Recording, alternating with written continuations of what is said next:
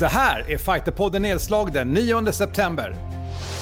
Vi pratar om svenskarnas otroliga månad i UFC. Galan Brave tog augusti med storm, men vad tar över? Och har Dan Hardy från sparken från UFC? Välkommen till Fighterpodden Nedslag. Mycket MMA alltså idag i Fighterpodden Nedslag. Jag heter Mårten Söderström och säger alltså det var länge sedan. Elin Blad, hej! Hej! Så kul att snacka igen. Här, jag har saknat det här mycket. Vi sprang på varandra på krogen, ja. alltså nu måste vi komma igång igen sa vi. Ja, det, det behöver vi verkligen. Och Simon Kölle, hallå farsan! Ja men tja, tja, tja. Känner mig helt annorlunda nu. Nej då, lite. Ja, det är ju stora nyheter för dig Simon. Ja, jag blev pappa till slut, men kunde man inte tro, eller hur? Fått en dotter, Hilma. Jag har ju tyckt, eh, jag har ju tyckt ända sedan vi jobbade med varandra på kollo för så här tio år sedan att du har en riktig pappa-aura. Så nu kan du äntligen leva upp till det. Jo, men så är det säkert delen, men man följer sitt eget hjärta och gör sina egna grejer och så rätt vad det är så springer åren iväg, men fan nu är jag jävligt glad så att jag ska inte klaga. Stort grattis. Ja, verkligen Simon. Kul. Tack. Ja, vi har mycket att prata om och som vanligt är det kort om tid. Vi har fem minuter per ämne. Idag är inte Axel med oss, så vi får ju försöka ändå hålla tiden så gott det går. Vad tror ni? Det ska vi nog klara. Vi börjar med svenskarnas otroliga månad i UFC. Simon, vad säger du? Ja, alltså, det, det finns nog ingen annan månad som har betytt så mycket för svenska MMA, alltså i modern tid. Det är klart från allra första början och sådär. Men det var, det var ju faktiskt en otrolig månad där i juli. Eh, Kamsat Chimaev som vi har haft i podden. Eh, och eh, det är man nästan lite stolt över att vi är en av få som faktiskt hade honom innan han blev så där otroligt stor. Men han gjorde ju ett intryck som alltså få andra har gjort någonsin. Alltså en otrolig debut på kort varsel mot John Phillips i mellanvikt. Han fullständigt krossade honom. Han vann på en Dars choke i andra ronden, men alltså vilken kross, Elin. Ja, det var helt fantastiskt. Jag, jag, var, jag tror att vi hade ett poddavsnitt precis innan det här och jag minns att jag var lite nervig över just det här att nu skulle Shamsat gå upp på stora scenen och skulle han liksom klara pressen och är, det, är han överhypad eller kommer det här gå så bra som man hoppas? Och jag, jag, jag satt liksom med hakan ner i marken båda hans matcher där och var fruktansvärt glad för hans skull. Vilken fantastisk insats och det är så kul att se också hans, hans personlighet, för han är ju lite så här tillbakadragen och ödmjuk, men jag, jag tyckte han lyste superstarkt båda kvällarna. What? Ödmjuk? alltså, han lever ju upp till hypen. Det är det jag älskar mest. Dels att han bara, det här kommer inte vara något problem, och att han efter ja. första matchen ger mig en ny match. Var det sju dagar emellan? Åtta dagar emellan? Elva dagar va? Elva dagar, okej, okay, whatever. Vilket är snabbast någon gång va? Jag, jag säger tio, men det, det är någonstans där. Ja. Det snabbaste ja, jo, vinsten. Det, ja, men precis. Och, det är ju så här, och då var han ju också nere en viktklass. Alltså det, det, får man, det, det, det pratas om bara att det gick så fort, men han var ju också först i mellanvikt och sen så går han ner i sin naturliga viktklass, då, vältervikt, möter Rys Maki. Och Rys Maki kanske inte alla känner till. Han slog en annan svensk, Håkon Foss. Många tänker honom som, som norrman eftersom att han bott i Norge och har ett norskt namn, men han är faktiskt svensk. Eh, han slog honom i matchen innan varit jättebra i, i Cage Warriors och sådär, Rysmaki. Så han, Rysmaki anses vara liksom topp tre i Europa. Och eh, alltså som Hamsat krossade Rysmaki. Alltså det var ju en av de mest dominanta segrarna i en och samma rond som vi har sett. Alltså jag vet inte ens om om eh, Khabib har gjort en sån otroligt dominant rond. Det var, var det, 105 träffar. Nej, men alltså det var ju över 100 träffar på honom och han själv fick ett slag eller något sånt där. Alltså var, vann på ground and pound i första ronden. Men eh, ja. Och Hamsat har ju faktiskt en ny match bokad redan nu. Han är i Las Vegas för tillfället när vi spelar in där. Han ska möta BI svartbältet Gerald Merchert, som framförallt är känd för oss för att eh, Jack Hermansson slog honom, drog ut honom. Och Eh, han eh, gjorde sin debut i UFC 2016, vann fyra av sina första fem i UFC. Och idag är han 6-5 i UFC, men det, det, är liksom, det är en hård, svår fighter ändå att slå. Han eh, jagade ju själv Damien Maya och sådär hamsat, men, men eh, han ska nog ta ett steg i taget och Gerald Merchant är en svår motståndare ändå, så att slår han honom då är han ju ännu mer hypad om det är möjligt. Men en annan fighter som faktiskt inte alls blev speciellt hypad av kommentatorerna var Amir Albasi. Det var, han gjorde också debut på Fight Island mot Malcolm Gordon eh, på samma gala som eh, för övrigt Jack Hermansson gick, som vi ska prata om snart, mot Calvin Gastelum. Amir, alltså han, han vann ju den här matchen eh, på en väldigt snygg triangel. Triangel är ju väldigt sällan någon avslutar någon eh, på nu för tiden i UFC också. Men kommentatorerna var alltså helt losta. Jag, tycker, jag vet inte om du tänkte på det Mårten, men de var ju helt förvånade över att han att han kunde grapplas, liksom Amir, som ändå har varit så världsklass redan som junior i grappling. Så att de hade ju, det var pinsamt att de inte hade gjort sin hemläxa och det är ändå så här, när du lyfter flera miljoner i arvode för att sitta som kommentator så, jag vet inte, tänk, tänkte du på det Mårten? Ja, men det är just, vi har ju haft honom, eh, ringt och pratat med honom ju, och eh, jag, alltså, jag har ju sett honom när han började alltså, som junior på BJJ Open, Swedish Open i BJJ, alltså i Stenungsund. Den har ju funnits nu i 15 år, den galan, eller den tävlingen. Men han har ju varit där i början, alltså, han har ju en riktigt gedigen bakgrund liksom, i brottning och har tränat nu i England liksom, i flera år. Att inte de har koll på det, det är jättekonstigt. Eller hur, och det, just som det ser ut nu då, så kommer han gå ny match i UFC 31 oktober mot eh, Raulian Paiva som är 23. Så nu, nu börjar verkligen Amir få tuffa matcher. Liksom. Eh, Raulian är ju 12 på världsrankingen, så det är liksom en, han öppnade sin karriär eller, i UFC genom Dana Whites Contender Series.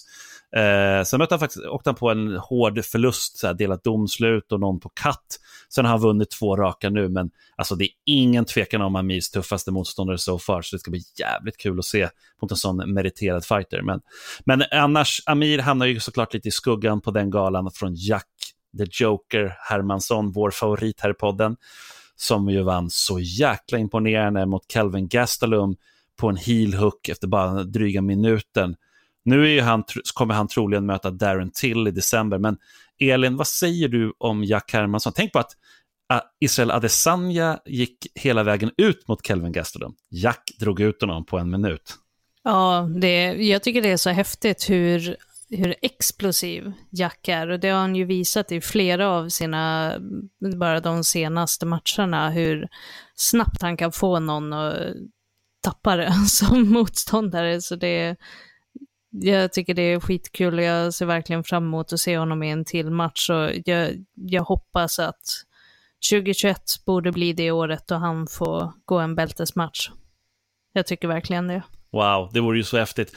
Eh, vi har två, hade två till svenskar som gick match i UFC. Eh, och alla vann ju i stort sett. Det var ju bara sista där som inte gick så bra. Men Panik Jansad eh, mötte Beth Kohea och vann på enhälligt domslut, alltså stabil säker vinst. Panny är nu 14 på världsranking. och när jag säger världsranking då menar jag alltså inte bara inom UC utan alla organisationer sammanlagda och eh, hon har ingen match inbokad än så länge, men eh, Panikians har två raka segrar. Alltså, Mårten, eh, hur långt kan Panny gå? Alltså, vad, och vad behöver hon arbeta på, tycker du?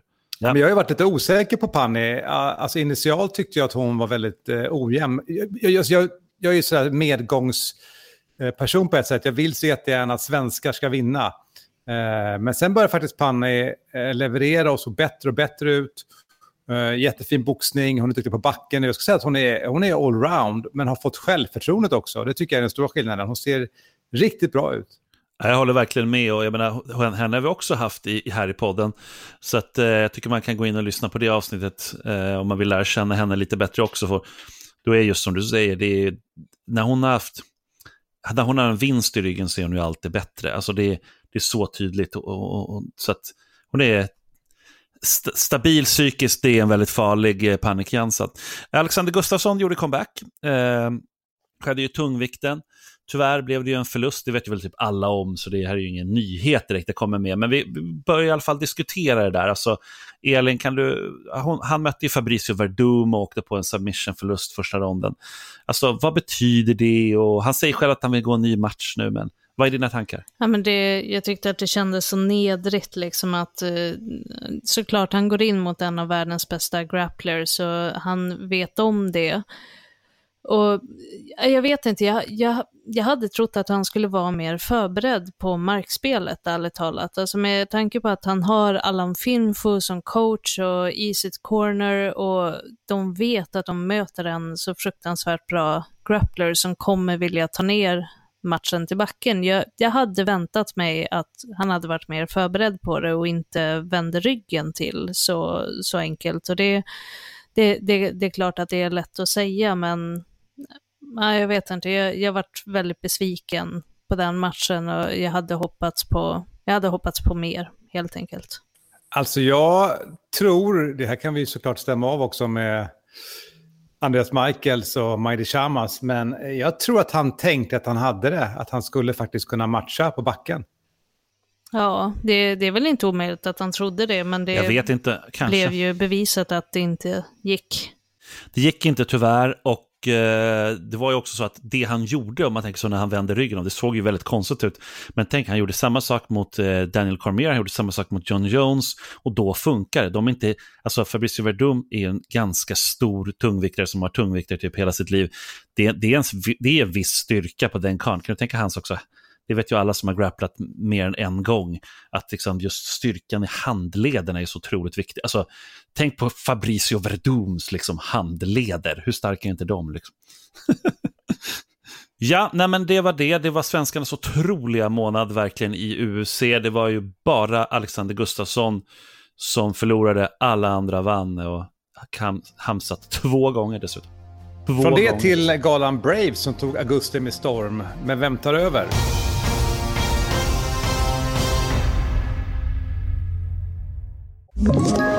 Ett poddtips från Podplay. I fallen jag aldrig glömmer djupdyker Hasse Aro i arbetet bakom några av Sveriges mest uppseendeväckande brottsutredningar. Går vi in med hemlig telefonavlyssning och, och då upplever vi att vi får en total förändring av hans beteende. Vad är det som händer nu? Vem är det som läcker? Och så säger han att jag är kriminell, jag har varit kriminell i hela mitt liv men att mörda ett barn, där går min gräns. Nya säsongen av Fallen jag aldrig glömmer på Podplay. Innan vi återgår till veckans Fighterpodden så vill jag passa på att tipsa om MMA-ligan och Kaisho Battle den 26 september. Alla MMA-ligans deltävlingar och SM i MMA kommer att visas exklusivt på Fighter TV. Så stöd svensk MMA, köp pay per view eller ännu hellre, bli prenumerant och få tillgång till livesändningar och Fighter TVs hela arkiv. Biljett och sändningarna hittar du på fightertv.se. Nu tillbaka till Fighterpodden. Vad säger du där Simon? Vad tror du? Vad tar över efter eh, Brave nu och vad tycker du om Brave? Ja, så om vi börjar med själva Brave, det var ju Brave 37, 38, 39, 40. Fyra galor. Alltså av en sån, så pass stor organisation. Förvisso utan publik då på grund av pandemin. Men det är alltså, jag vet inte, det, det, det var väldigt häftigt att se och flera gick ju match, alltså det var ju ett antal faktiskt som gick flera matcher. Jag menar på 37 jag kan ju säga någon kort, någonting väldigt kort om varje gala och 37 där hade vi liksom Irman Smajic världsmästare i tungvikt eh, på amatörsidan. Gick till 3-0 som proffs. Ingen jätterolig match direkt om du frågar mig, men det är, alla tycker olika. Eh, grindade till sig den segern. Sen hade vi Anton Turkay som gick till 5-0 där. Eh, Alltid kul att se Anton Turkay tycker jag. Eh, eh, och Bianca Antman tycker jag ska nämnas, som gjorde en stark debut, knockade Vera, alltså som proffs då, Vera Nykanen med en eh, väldigt snygg spark som kom från ingenstans. Alla har väl sett den där säkert, för den rullar ju på, har ju rullat hur länge som helst på Instagram, eller vad säger du Elin? Jo, men den har jag sett och det är som du säger, vilket jävla sätt att göra en debut på.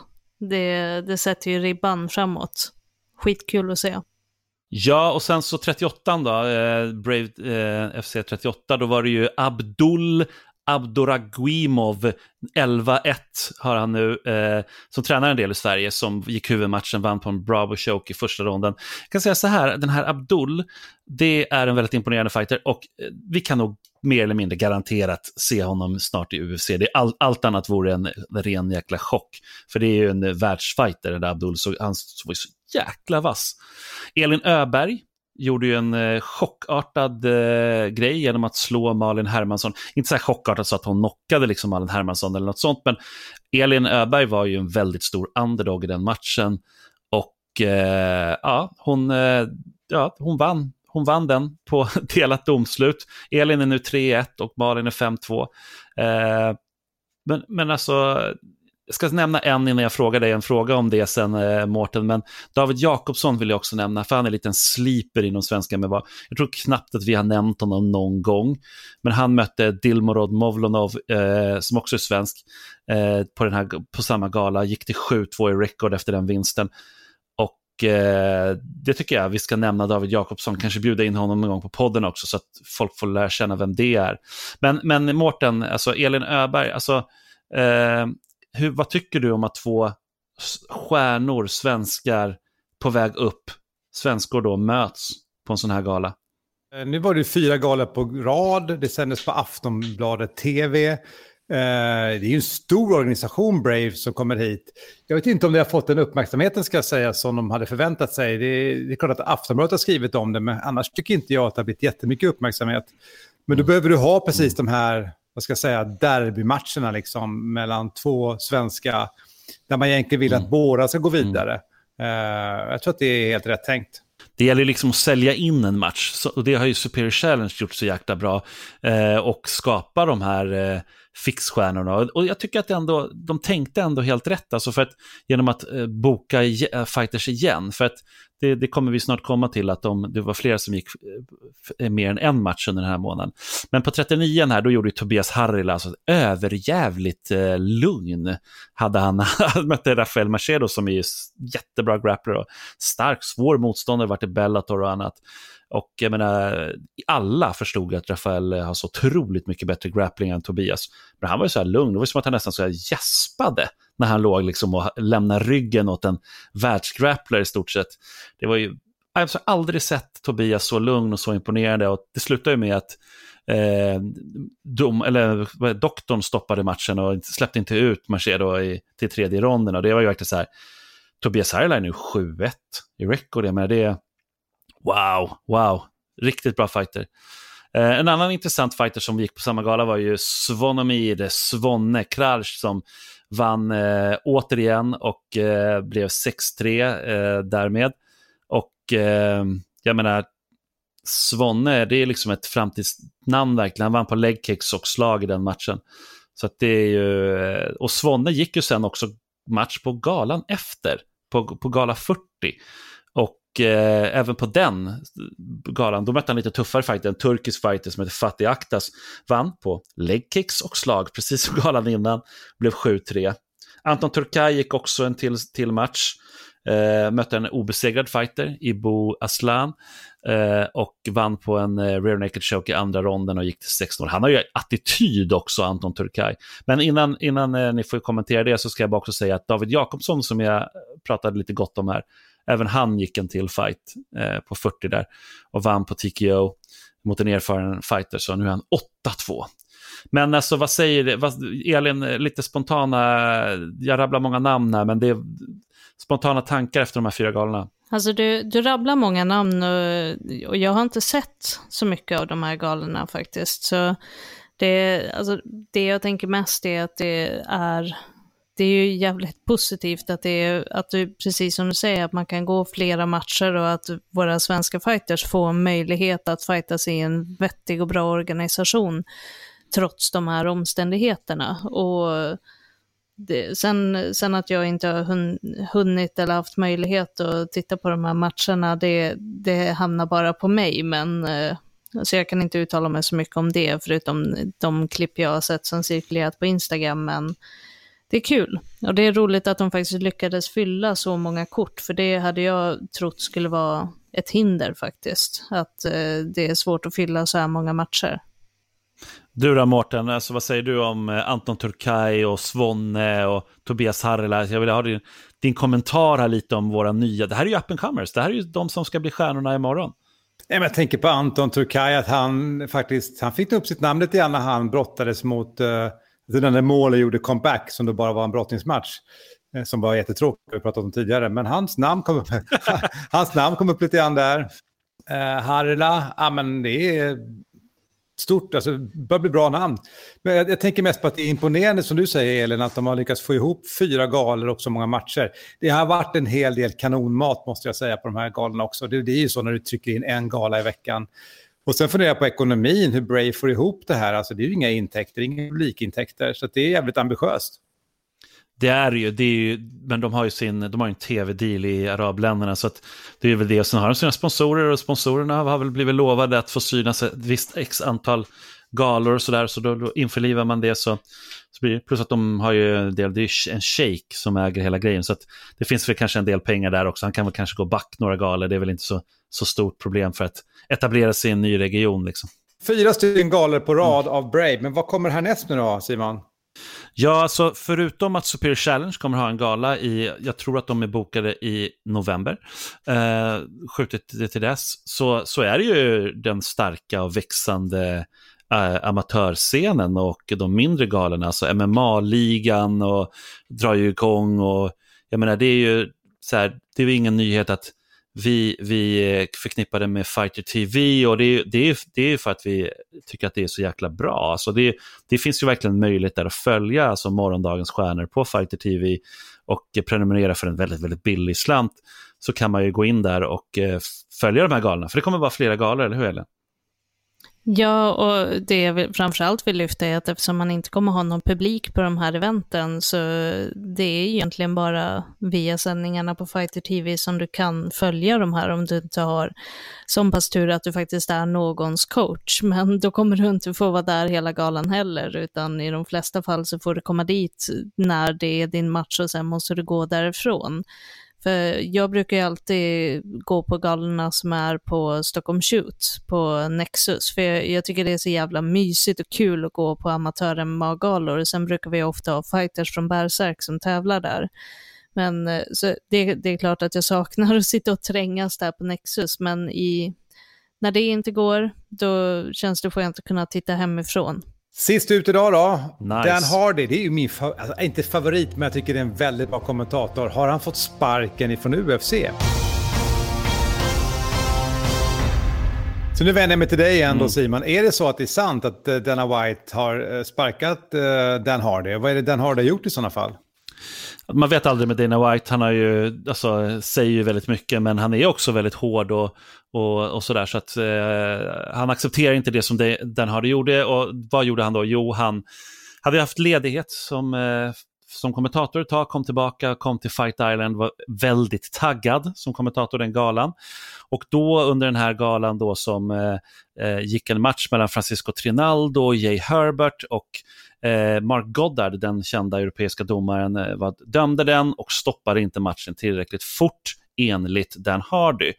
Och Dan Hardy då springer upp och springer fram till buren och, och den som var på sidan av då som han springer fram till var ju Herb Dean och eh, Herb Dean eh, som också är en känd domare eh, skulle då eh, stoppa den här matchen från sidlinjen då tyckte Dan Hardy. Skriker i hans ansikte och det hördes ju i sändningen. Det gillade inte Dana White. Jag, jag, förstår att Dan Hardy ropade, för han, han skrek ju verkligen “stop the fight” och jag gjorde i princip samma sak när jag satt hemma och tittade på den, för jag tyckte att eh, det, det var så jävla mycket onödiga slag han fick ta där i slutet. Det var rätt tydligt att han var ute. Så jag fattar det. Och sen, sen är det såklart, man ska inte, jag tycker aldrig att man ska börja gidra med någon, och särskilt inte någon som faktiskt har det som jobb, men jag, jag fattar ändå att han, att han kände så, men... Eh, kanske, kanske. Vi får se. Den har det ju bra. Jag menar, det, det finns väl andra organisationer, men, men sagt, det här är mycket pengar också. Och det är klart att det, det, det är väl, var väl hans framtid den har det. Han åkte ju runt på galor över hela världen och jobbade inte bara som kommentator utan liksom var, var en del av brandet. Kommer vi att redigera bort honom från vår vignett om han får sparken eller får han vara kvar hos oss? han måste vara kvar. Ja, jag håller med. Jag, ty jag tycker vi, vi kan ha kvar den. Hardy. produceras av Subamedia. Nu är det så här Simon och hela tiden ute. Eh, det här var Fighterpodden Nedslag. Det var mycket MMA idag. Hoppas vi hörs och ses snart igen. Jag heter Mårten Söderström ja. och vill du kontakta oss så är det fighterpodden fightermag.se. Hej då Elin! Hej då! Hej då Simon! Ciao! Ska vi prova ett gemensamt avslut? Oss. Oss.